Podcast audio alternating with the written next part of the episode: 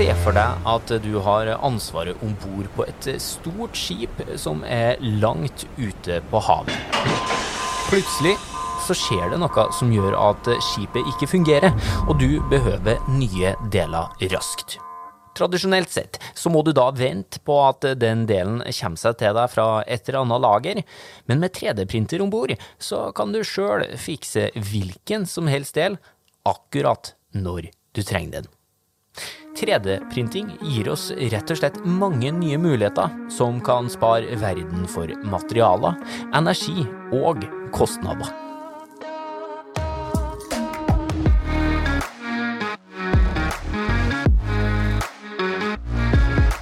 Du hører podkasten Smart forklart med Aksel Faanes Persson. Hjertelig velkommen til en ny episode av Smart forklart. Podkasten fra oss i Sintef der du risikerer å bli litt klokere og få litt større tro på framtida for hver eneste gang du lytter innom.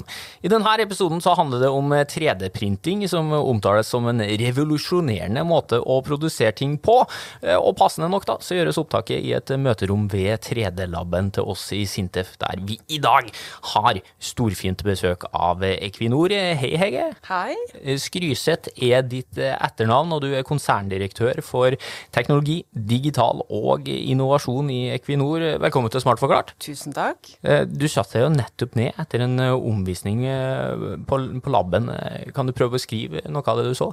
Det var jo veldig spennende, og ikke minst så så vi jo en gigantisk robotarm og fikk gode forklaringer. Ja, litt mer enn dere hobby 3D-printinga noen har hjemme. Absolutt. Ja.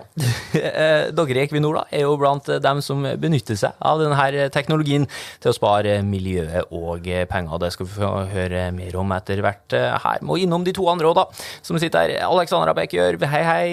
Hallo. Konsernsjef her i Sintef. Det er vel nøyaktig, jeg tror det, da. 90, nei, 69 episoder siden du var med her sist. Mm. På tide å gjøre et comeback. Ja, må ikke glemme meg. Nei, det gjør vi ikke.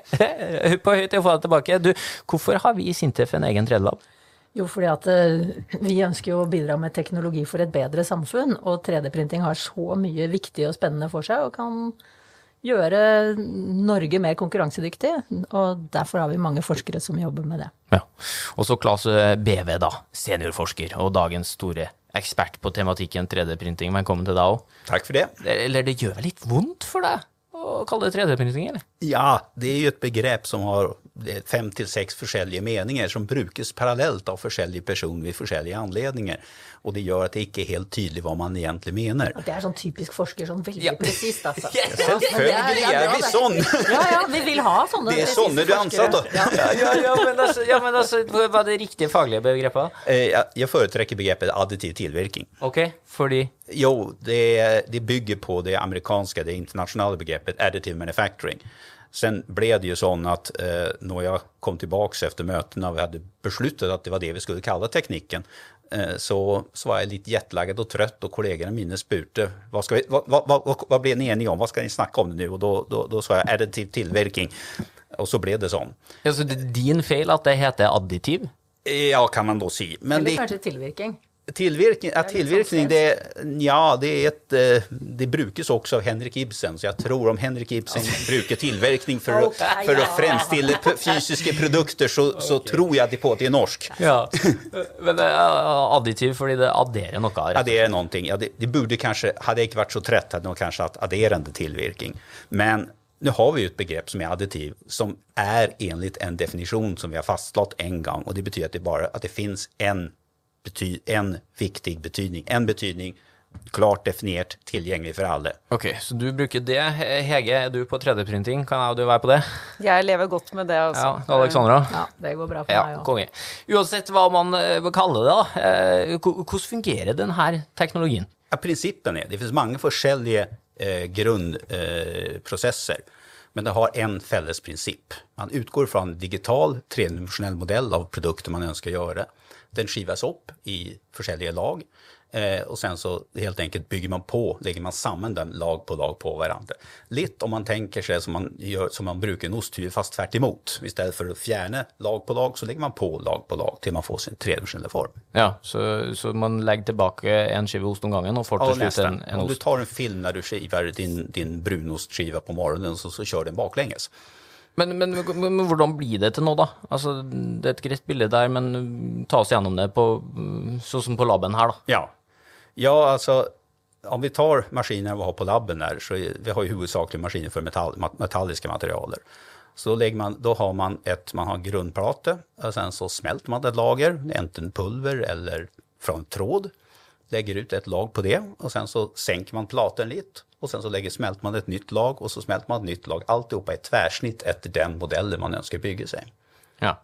Og, og det det blir for enkelt kanskje her nå, men jeg har forstått det sånn at vi har flere forskjellige måter å gjøre det på. Altså Den som eh, kanskje folk har testa ut hjem, det handler om å smelte plastikk. Ja. En tråd med plastikk som blir varma opp, og så legges det opp på lag på lag, strek for strek. Ja. Så har du en sånn sandkassemetode, eh, altså at du, du har eh, ja, Ja, er pulverbed. Pulverbed, kaller dere det, ja. Eh, da, da fyller du opp med et lag med sand, passer på at det er tynt nok, og så eh, tilfører du varme i form av laser, ikke sant? Til eksempel. eller Ja. elektronstråle. Eller man kan bruke, bruka en annen metod där man har egentlig en ganske vanlig eh, inkjetmetod, man helt enkelt dropper ut bindemiddel og limer sammen pulvret. Ja, det er òg mulig, ja. Ja. Og så den der vi nettopp så inn på laben, da, som er en sånn seks laserstråler. Det er seks laserstråler som smelter, oftest fra tråd. Det er billigere med tråd, det er man, man, det är mycket som är söl med tråd, men man smälter eh, strek for strek og bygger lag på lag. Fascinerende. Og Hege, det er jo sånn at- for det, det, jeg da, når vi skulle snakke om at vi skulle drive på å lage en episode om 3D-printing, så tenkte jeg sånn, ja, det, vi er der at vi driver på å lage de her plastfigurene våre. Nei, det er ikke vi. Altså, 3D-printing har kommet kjempelangt, og dere bruker det på hvilken måte? Vi eh, bruker det utstrakt. Altså hvis du ser på eh, Equinor sitt fysiske varelager i dag, så er det på 28 milliarder, eh, og nær 80% av det er ikke i bruk. Så vi har satt oss som ambisjon vi, at vi skal redusere eh, da det fysiske varelageret og erstatte det med digitalt varelager eh, og 3D-printing. Eh, og sagt at innen få år så skal vi være på 25% og innen ti år så skal vi være på 50% Rett og slett istedenfor at dere da har eh, svære lagre med ting dere kanskje en dag får bruk for, er, er det sånn, så kan dere heller bare vente til dere plutselig får bruk for en gjenstand, og så 3D-printe ut den, da. Absolutt, men så må jo dette settes i et system, da. Eh, Så da erstatter vi det fysiske varelageret med et digitalt varelager. Og så prøver vi å bruke så mye skrapmetall som overhodet mulig, sånn at vi også får litt sirkulær økonomi inn i det. Eh, Og så er det jo selvfølgelig hvordan vi da kan også frakte dette ut eh, offshore, eh, hvor vi bruker droner. Så dette er satt godt i systemet allerede, og jeg mener nå det siste tallet er vel over 2000 eh, deler som er 3D-printet. Allerede? Eh, ja, Oi. og for to måneder siden var jeg på besøk på Stord, og da var det 1300, så dette går fort. Eh, og det er 1600 eh, i kø, eh, som nå skal inn i det digitale varelageret. Ja, og her er du inne på noe, da. Digitalt varelager. Altså for måten man får den sanda, for eksempel, da, til å bli eh, lag for lag eh, et produkt, eh, er jo basert på en 3D-modell Ja. i digital sådan. Ja. Og da kan man da, hvis eh, Ta en kaffekoppen her, her da. Ja. Da kan man bruke en 3D-printer til å skanne den først. Ja. Eh, Den 3D-printeren ser at okay, den har sånn og sånn form, er hanken står der. Ja. Så får man opp en modell på, på dataen. I stort sett, ja. Trykker print, eller? Nesten. Den ska ju, modellen skal jo da förberedas så den pass egner seg til å bygga till att bygga utav. Den ska eh, komma i det formatet som kan, maskinen kan oppfatte, Den skal delas opp i forskjellige lag. Men ja, i stort sett, i prinsipp så blir det sånn. Ja. Eh, Alexandra, du er jo i din rolle som konsernsjef, altså du, du er i tett kontakt med industri og næringsliv i Norge daglig. Altså, hvordan opplever du interessen rundt det her, altså 3D-printing? Ja, jeg føler at dette har gått fra å være noe alle har snakket om litt sånn teoretisk som kanskje det blir viktig en gang, til plutselig å bare ha eksplodert. Vi hadde en konferanse nettopp med 150 deltakere. Der traff 170 jeg faktisk. 170, ok. Og da traff jeg liksom stor, Equinor, selvfølgelig, store shippingselskaper, men også små startups og leverandører. Og alle ser at dette her kan liksom veldig fundamentalt forandre ting. Noen kolleger skrev en kronikk eh, sammen med Wilhelmsen og en, en leverandørselskap. Eh, Hva er Wilhelmsen? Et, et, et skipsrederi. Yes. Ja, eh, om hvordan de ser for seg i fremtiden. At de ikke transporterer varelager, ikke blir liggende og vente på deler, men hvis de har et eller annet de ser har gått i stykker, så melder de fra til neste havn, og så står det printet på kaia, og så bytter de ut i en fei. Altså veldig Sånn at det ikke bare er som Equinor som har sin egen 3D-printer og fikser ting, men at det blir en leverandørindustri som blir helt annerledes enn det som har vært før. Og det syns jeg bare er så interessant, og det er jo mange, mange ja, jeg kan fortsette en stund til. Ja, kjør på! Du er sjef, så du Jo, bestemmer når du stopper. Ja, så det, det tenker jeg at det Og når det da plutselig store aktører som Equinor begynner å etterspørre dette her, så blir det jo 3D-printestasjoner. Sånn at små aktører som Sintef f.eks., hvis vi, noe går i stykker på laben, eller vi trenger en ny dings, så vil vi jo først tenke ok, kan vi få den printa i Stjørdal, i stedet for å få den bestilt fra et eller annet sted langt unna, som vi har sett i korona, bli stående i kø, og Suezkanalen og liksom du forandrer logistikken i hele verden. Og transport er jo en veldig stor del av våre klimagassutslipp. Så sånn sett så får du Du får ned eh, transporttider. Du, du kan fikse ting kjappere, sånn at hvis noe går i stykker, så trenger du ikke å vente og la være å levere til kundene dine.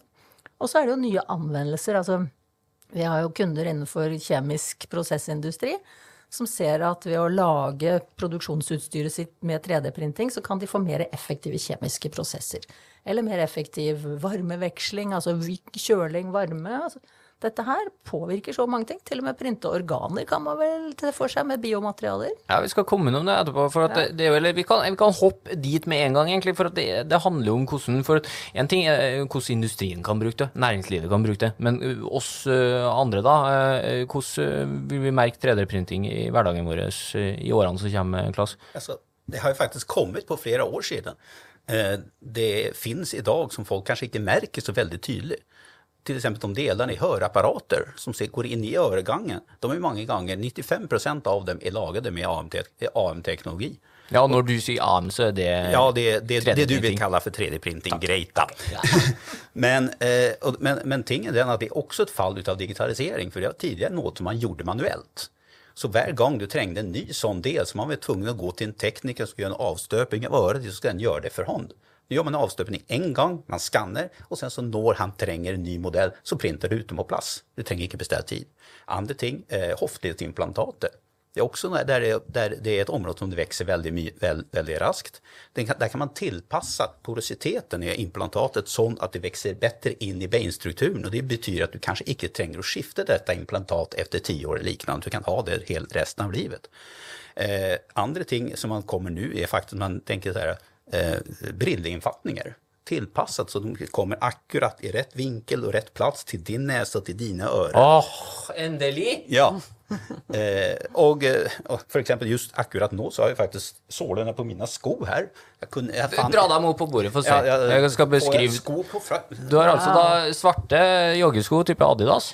Ja, Ja. Med litt sånne pigger på siden. ja. jag på siden, men det er litt ett resultat av at de bygde den här tredimensionella nätverksstrukturen utav det. Så, den, är, så hullet, det är tredimensionellt nätverksstruktur. Jag såg det bara i en butik och jag kunde varken motstå, jag är lite nördigt nördigt på den måten. Men du sier nå at såla di er 3D-printa? Ja. Ok, så allerede nå i hverdagen vår så er det masse ting som er 3D-printa? Man kanskje ikke tenker på det så mye, og det kommer sikkert mer. Jeg har sett annonser for at de utvikler sykkelsadler, eh, motorsykkelsadler. Eh, og litt mer når du trenger kundetilpasning, litt spesielle, eh, speciellt ägnet. Och sen som noen ganger så, någon ganger bare for folk syns at det er veldig kult. Ja. Hva har du på deg som er 3D-printa? Nei, i dag har jeg ingenting, men eh, vanligvis så har jeg jo eh, adgangskortet mitt til jobben, eh, som er 3D-printet spesielt for meg, med tannhjul som går i hverandre i bakkant. ja. Ja. Fantastisk. Jeg er jo russemamma. Ja. Ungene har vært ute og rullet søskenrulling og sånn i natt. Og jeg vet ikke om han poden har den på seg, men på, på vårt julebord på Sintef så fikk jeg en 3D-printet ølboksholder til å henge i beltet. Og den ga jeg videre til en jeg tenkte kunne ha bedre bruk for den. Så jeg vet ikke om den har vært ute og rullet. Det Drømmegave. en mulighet. Drømmegave for en russ. Eh, men altså, kan man lage hva som helst? Eh, Det kommer litt an på. Det er mye ting kan man gjøre. Du kan gjøre mange forskjellige metoder, du kan bruke mange forskjellige materialer, men det er ikke alltid det er lurt. Noen, noen ting, eksempel, det hadde den koppen du nevnte tidligere, kanskje ikke så komplisert. Det kanskje ikke noen stor grunn for om man skal masseprodusere noen produkt, at lage den med, med AM-teknologi. Men det går jo. Det går. Eh, det, det, kommer an på material og prosess du velger, helt enkelt. Til og med fiolina her har hørt at det er noen Ja. som har Ja, ikke sant? Jo, ja. det stemmer. Det er riktig. Jeg har dessverre ikke med den her, da, for å prøvespille. Men eh, det er faktisk også ganske store ting, da, har jeg skjønt at man kan printe. Eh, Hege, dere har jo en eh, relativt stor rekord hos dere. Hva er det største tingen dere har printa ut? Det aller største vi har printet til nå, eh, er på tre tonn. Eh, Og det er rett og slett en del eh, til en propell. Tre tonn? Tre tonn. eh, Det er tre ganger tre meter, med men høy bestandighet i metallet. Så den veier altså tre tonn. Ja. Klass. Det er sikkert ikke noe overraskelse for deg i det hele tatt. Man bygger deler til hus i dag. Ja, men gjør det! Ja, det gjør man. Og det, det har bygd på flere forskjellige plasser. Jeg besøkte et eksempelhus i Danmark for noen år siden. Og jeg har leste nylig her at samme danske selskap har fått et kontrakt på at de skal lage en ny barnehage til Ukraina. Og da, hvordan gjør man det? Ja, da har de ju också en typ av en robotarm som man helt enkelt släpper ut och släpper, bygger sträck för sträck utav betong Ja. och lägger lag på. På den måten kan man bygge upp väggar som kanske inte trenger vara massiva utan kan vara huller, huller de i väggarna. Men de bygger väggar, lägger, lägger, eh, legge trapper og deler der det trenger, når det trenger. Men altså, du, du kjører da en kran, Ja. og det materialet du har tenkt å bruke, Ja. som i denne settinga er betong, da, Ja. til den plassen der det Ja. bygget skal bygges, Ja. og så setter du i gang, da. Ja. Strek for strek, Ja, som du sier. och sen, sen står den og bygger og bygger til du har dine vegger på plass. Ja, og adderer, altså.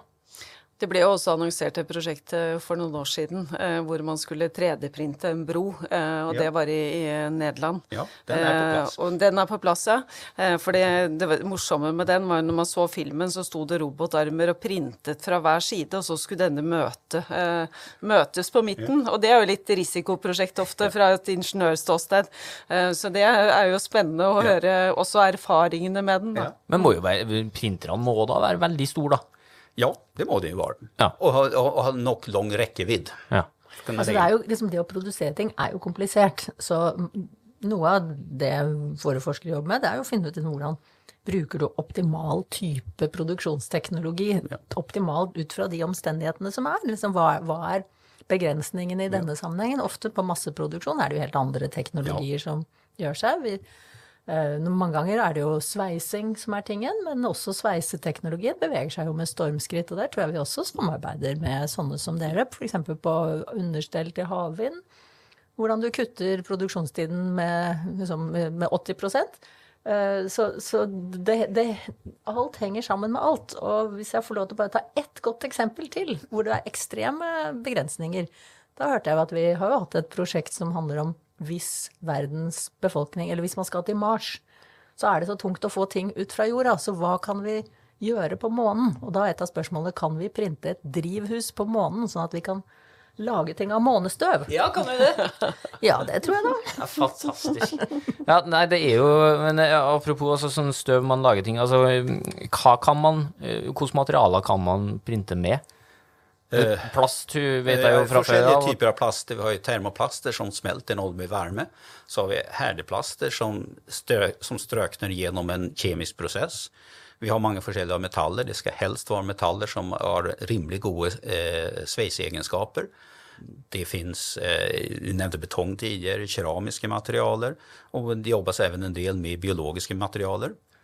Men det er kanskje ikke utfordringen nødvendigvis at legge tingen på rett plass. Det å få de her biologiske, biologiske eh, cellene og liknande faktisk fungere og agere sammen. Ja. Men her er jo den, den store En av de store fordelene, altså at man kan ta metall da, som kanskje er til overs en annen plass, eller har blitt ødelagt, eller kanskje skal kastes uansett. Knuse dette her ned til pulver, da, og så kan man jo da begynne å Eller? Ja, det, det kan man jo. Det Ja, kan man arrestere meg hvis Det det er feil. det, det altså. kan man, men at gjenbruke gammel metall det jo ikke, det er ikke noe nytt for så vidt. Og even innom pulverindustrien så gjenbruker de jo ting og gjør pulver ut av det. Det, det er vel en ting. Men eh, poengen er som jeg tror det som Equinor gjør, er at man bruker, kan bruke samme metall, samme skrapmetall som en gang bygdes for lagerproduktet. lage. Og enda bedre er at man kan ju, kanskje i noen fall om man skal reparere, så trenger du kanskje ikke bygge en helt ny produkt, utan du reparerer, du legger material som har blitt slitt vekk, der du trenger det. Og det sparer en hel del. Ja. I tillegg til at man da sparer sånn eh, vanlig produksjonsmåte, så skjærer man jo bort. Ja. Og så blir jo noe materiale ødelagt av det. Mens her bruker man bare det materialet som skal bygge, da. Ja, det Skjønner. blir mindre spon. Hvilke andre positive ting er det? Dra oss gjennom det. Nå har Alexandra vært innom noen av dem. Det kan brukes, det, du, du får mye mer frihet når du skal, det, når du skal konstruere designe noe. Du kan optimalisere. Du kan få en veldig bra individuell tilpasning. Det koster ikke ekstra nødvendigvis å fysisk bygge noe. Det koster litt ekstra om du skal fysisk tilpasse noe eh, konstruksjonsmessig. Men skal du fysisk bygge, så koster ikke det noe ekstra. Eh, du bruker kun det material du faktisk trenger. I stedet for at eh, gjør, masse med støv. Man kan lagre tingen i digital modell. Men Hege, Egentlig, dere, jeg hørte kollega deg snakke om hvordan dere jobbet på Jan Castberg. Vil du snakke om det, eller skal jeg fortelle hvordan jeg hørte ham fortelle? ja, ja, ja, ja. Eh, nei, jeg kan godt si, si litt om det. fordi vi jobber jo med eh, tre eh, startuper som har vært en del av et sånt akseleratorprogram. eh, som er altså et program som hjelper startuper til å komme inn i en, eh, inn i en vekstfase. Da. Eh, og der har vi containerorientert eh, 3D-laben. eh, sånn at den liksom? også, ja, minifabrikk, ja. Sånn at den også kan følge med skipet ut når det skal ut på sjøen. Eh, og så eh, er det jo dette med eh, skrapmetall eh, som vi har vært veldig opptatt av. Og det er jo en av disse startupene har jo spesialisert seg på det. Eh, og ambisjonen vår er jo virkelig 100 eh, resirkulert metall. Eh, og så noe annet som er morsomt, og det er jo, som vi har sett, er jo at vi kan enkelt erstatte ting som tidligere var printet i metall, eh, med f.eks. hardplast, eh, og som gjør det mindre farlig med fallende objekter, som jo er viktig med, sikkerheten eh, om bord. Så, så det er veldig mange positive sider med det. For det som gjorde inntrykk på meg, det var at jeg hørte at man hadde bare satt en minifabrikk ute på der man bygger dette skipet, da. Og sagt at den som får en eller annen, ser en eller annen mulighet til å fikse noe, kan bare gjøre det.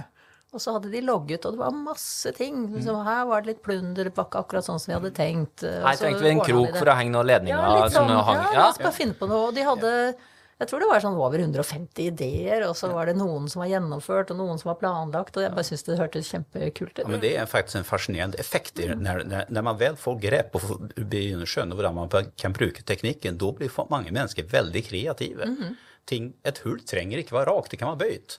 Det trenger ikke være akkurat sånn som det var masseprodusert. Det kan faktisk bli akkurat som vi hadde lyst til å ha det. Om vi endrer litt på denne detaljen, så blir, fungerer det bedre. Om Men- ja nei, beklager, bare fortsett. nei, nei, for all del. Nei, nei men altså, jeg blir, jeg sitter det er masse positivt her. Er det bare, er det bare positivt? Ja, Har vi noe negativt med 3D-printing? Altså, det er alltid utfordringer. Man får, ikke, man får ikke nødvendigvis en helt ferdig produkt hver gang man gjør det. Når du tilføyer materialet, så blir det eh, preget av modellen du tilføyer det. Man kan få en litt ru overflate, da trenger du slipe. Ja, Det trenger ikke se så rent og fint ut. For Nei, det, det, det, det, du har jo, om du har smelt på metall, så er det jo en dråpe ut av smelt metall som har strøknet. Ja. Og den er jo ikke helt, helt, helt eh, slet, helt glatt. Du må kanskje slipe litt på det for å få den overflaten du ønsker. For å få akkurat den presisjonen. Det er jo ikke noe stort minus, da. Det får vi til. Du må jo male et nytt hus òg, liksom. Ja, ja, det, Jo, men det er jo ofte altfor dyrt. Ja. Dette, ja. er jo, dette er jo ja. Hvis du skal masseprodusere noe, så har du jo helt andre metoder. Ja. Men det er liksom for de tingene som er av høy verdi, eller hvor tid er viktig. ja. Og konstruksjon. Ja. Det at du har større fleksibilitet på konstruksjonen av det. Hva mener, hva mener du? Utforming. ja. Hva, en gang til, hva betyr det? Utformingen av eh, deler, f.eks. Her kan du tillate deg å, å tenke at du kan eh, konstruere den annerledes, sånn at den samhandler med øvrige komponenter eh, bedre enn det man greier å produsere med dagens metoder. Eh, Du kan tenke at du kan produsere den med mindre metall, fordi du kan tillate deg å lage huller i konstruksjonen. Eh, Så det er rett og slett design. Eh, Hvordan du eh, velger å utforme deler, har du mye større fleksibilitet i enn det du har med dagens tradisjonelle metoder på produksjon. Se der, da er vi på positive igjen, da. Det, er- det er kjempebra. Og og Og så er det jo, så tar det jo litt tid selvfølgelig å bygge opp dette digitale varelageret som vi er i gang med nå. Eh, Men jeg er ganske imponert over hastigheten. Altså når vi sier at på et par måneder så, så har vi gått fra 1300 til 2000 pluss da 1600 eh, som står i kø for å bli eh, godkjent. Eh, Men det må gjøres en investering på det første prosjektet. Men så tenker vi å, å sørge for at dette da er metoden vi bruker på alle prosjekter fremover. Men jeg er jo jurist, så jeg begynner å tenke wow, det kommer til å forandre hvordan kontrakter blir, og hvordan Når du da kjøper en maskin, så er det jo ofte sånn aftermarket, det er jo der hvor leverandøren tjener penger på å selge reservedeler og fikse ting og sånn. Ja, men her er du jo inne på noe, Alexandra, for det er vel en av utfordringene. Er det ikke det? Ja, altså, det, det- her med rettigheter. Rettigheter, ja, om, någon, om, om du har sendt iväg en digital modell og latt noen bygge den någonstans ute i verden, hvordan kan du da være helt sikker på at de ikke bygger flere av det og selger til andra? Det är en utfordring, helt klart. Det må, man, det, det må man få ordning på. Och sen som du säger, jurist, eh, lover, regler, allt det här må vara väldigt tydligt preciserat. Man må kunna skriva avtal på en riktig måte så att det är klart och tydligt för alla. Det är en ting. Och man må också vara enig om att man menar samma ting. Man må også vara man må også se til at man har kravene til sertifisering og kvalifisering av produktet, at den er riktig. Og det er en utfordring. Hvordan løser dere det? Har dere, jeg har hørt eh, noen har foreslått sånn eh, eh, Spotify for rettigheter. At man bare kan gå inn, eh, komme til en liste da med f.eks. en skrue, og så plukker man den, da, så betaler man litt rettigheter til den som designa den skruen. Har dere, hvordan, hvordan har dere det i det digitale lageret, Hege?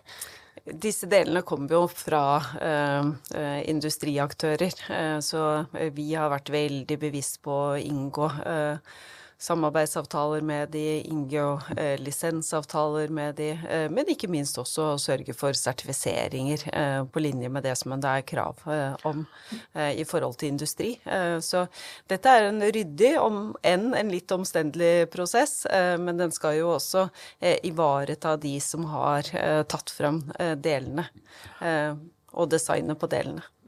Men, men dere har jo på en måte tross alt veldig store enkeltprosjekter, så jeg tenker at hvis, hvis jeg leverer fysiske ting, hvis jeg er en maskinprodusent, så må jo virkelig tenke gjennom disse tingene her. Dette er et strategisk dilemma. Hvordan skal du plassere deg? Og det kommer til å komme en ny industri for ivaretakelse av rettigheter, tenker jeg. Og eh, så jobber jo eh, EU med reguleringer på tilgang til data, hvor plutselig skal den som får kjøpe noe, skal få tilgang til mer data fra leverandøren. Så, så vi ser et marked som er i ganske stor forandring, og hvor teknologi og juss egentlig går litt i hverandre. Og, og vår erfaring er jo at sånne som Equinor, de, de har liksom folk som, de har et svær maskin som jobber med sånne spørsmål og ligger i forkant, men så kommer det en hale av underleverandører og leverandører, og der, der ser vi jo at EU jobber veldig systematisk med dette her, og vi er vi prøver å henge på da, fra, ja, som, som Sintef, liksom å holde oversikten og kunne være tilgjengelig for de som lurer på ting om dette. Men det krever jo også ganske mye kompetanseutvikling i hele kunnskapsmiljøet. Veldig sant. Det er kanskje den største utfordringen av alle. Å bygge opp kunnskapen. Både rent fysisk, teknisk, hvordan man skal gjøre, hva man skal gjøre, så at de der konstruktørene og designerne kan virkelig få den kreative boosten. Men også alt det her omkring, reguleringsverken. Hur- Hvordan man skal strukturere, hvordan gjør du en affærsmodell for dette skal fungere på en god måte. Hvordan skal du, ta, hvordan, skal du ha de her reguleringene på plass? Og alt dette må bygges opp en kunnskap om. Og sen så også even i skolene, man må faktisk kunne undervise på det på en god måte, så at elever og studenter lærer seg å bruke det redan fra start. Men øh, en ting jeg sitter og lurer på, da, og som du kanskje har kunnskap til å øh, forklare, da, Klas. Kvaliteten her. Hvordan er det på hver enkelt sånn printing? Altså når du da har et metall, og det blir pulverisert, og Ja. så blir det på en måte limt sammen eller smelta sammen igjen. Ja. Så hvordan kan du vite at det produktet er godt nok? Ja, det for det første må man jo sikre at man har de riktige prosessparametrene man alltid oppsatt. Det, er, ofte, det er ofte utprøvet, men helt sikker på at det blir akkurat som hva vi har, ikke den erfarenheten som man har til støping for eksempel. Erfarenhetsmessigt så vet vi at det blir oftest minst like så godt som støpet, som støpt material. Okay. minst like så godt, men man har støpt i tusenvis av år. Tingen er, hvordan skal vi være helt sikre på å dokumentere det? Og der fins en del forskning å gjøre. Och det er noe som helst jeg skal skulle jobba vidare med. Industrielle deler testes jo, eh, og testes jo gjerne også eh, i de omstendighetene som de skal operere i. Eh, Og samme vil det være på 3D-printede ja. deler. Men da blir det da en utfordring at om det har gjort en reservdel eh, som tidligere f.eks. har støpt eller smidd och sen så ska du sätta ut den på plats. Om du då ska testa den hver gang du har gjort den ute i miljö, då må du tillverka ganska många av dem och testa igenom det och sånt tar ju ta tid. Så idealt hade ju varit om vi skulle kunna ha en, en, en eh, kvalitetskontroll i produktionen direkt. Sånn at man kan være sikker på at den oppfyller alle krav direkte fra, ut ifra maskin. Men det er ikke jo en mulighet der, da, for at eh, ved at vi har en 3D-modell og, og alt det der digitalt, så kan man jo eh, Det legges jo lag for lag. Ja. Kan man ikke følge med veldig nøye òg, da? Ja, det er fullkomment mulig. Man kan det er mulig å installere eh, typer av forskjellige monitoreringsforskjell, ikke-forstørrende prøvingssystem på hvert lag, og sen dokumentere kvaliteten i materialet. Se der. Og gjennomfører man det, da vet vi mye mer om den produkten vi kan vite om noen produkt som er laget med noen annen metode. Fantastisk. Altså, det, vi har kommet langt allerede, hører jeg. Men altså, Hege, hvor viktig er det at uh, industri og forskning uh, samarbeider om noe sånt som det her? At vi ikke sitter på hver vår stue og Og det er veldig viktig. Eh, Og vi har jo hatt et eh, godt samarbeid med Sintef eh, gjennom alle år. Og på dette området har vi jobbet tett sammen. Og jeg tenker, her er det jo også den rollen Sintef har i forhold til øvrige selskaper også i Norge, å jobbe tett sammen på å slippe å gjøre alle disse startup-mekanismene eh, som vi nå gjør eh, i forbindelse med dette digitale varelageret. Eh, så ekstremt viktig samarbeid, og veldig fornøyd med samarbeidet. mm. Som potensialet her, da. For som dere i Equinor ser med bruk av den teknologien her, ta oss litt gjennom hva, hva dere liksom ser for dere at det her kan løse. For oss er det jo eh, med fokus på dette fysiske varelageret, eh, å kunne redusere det. Eh, så vi har jo en ambisjon om å halvere det og erstatte det med det digitale varelageret. Eh, Så er det jo selvfølgelig eh, noe med eh, tid her. Hvor raskt kan vi få ting opp og gå igjen gjennom å ha denne typen teknologi? Her ser vi at det ligger betydelige besparelser.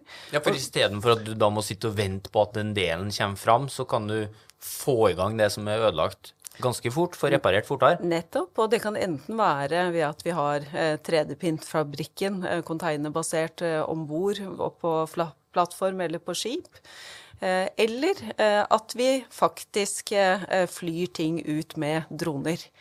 Og det er ganske tøft. Ja, og det er en annen episode som vi må ha, tror jeg. Hvorfor trenger Norge noe sånt som det her, Alexandra?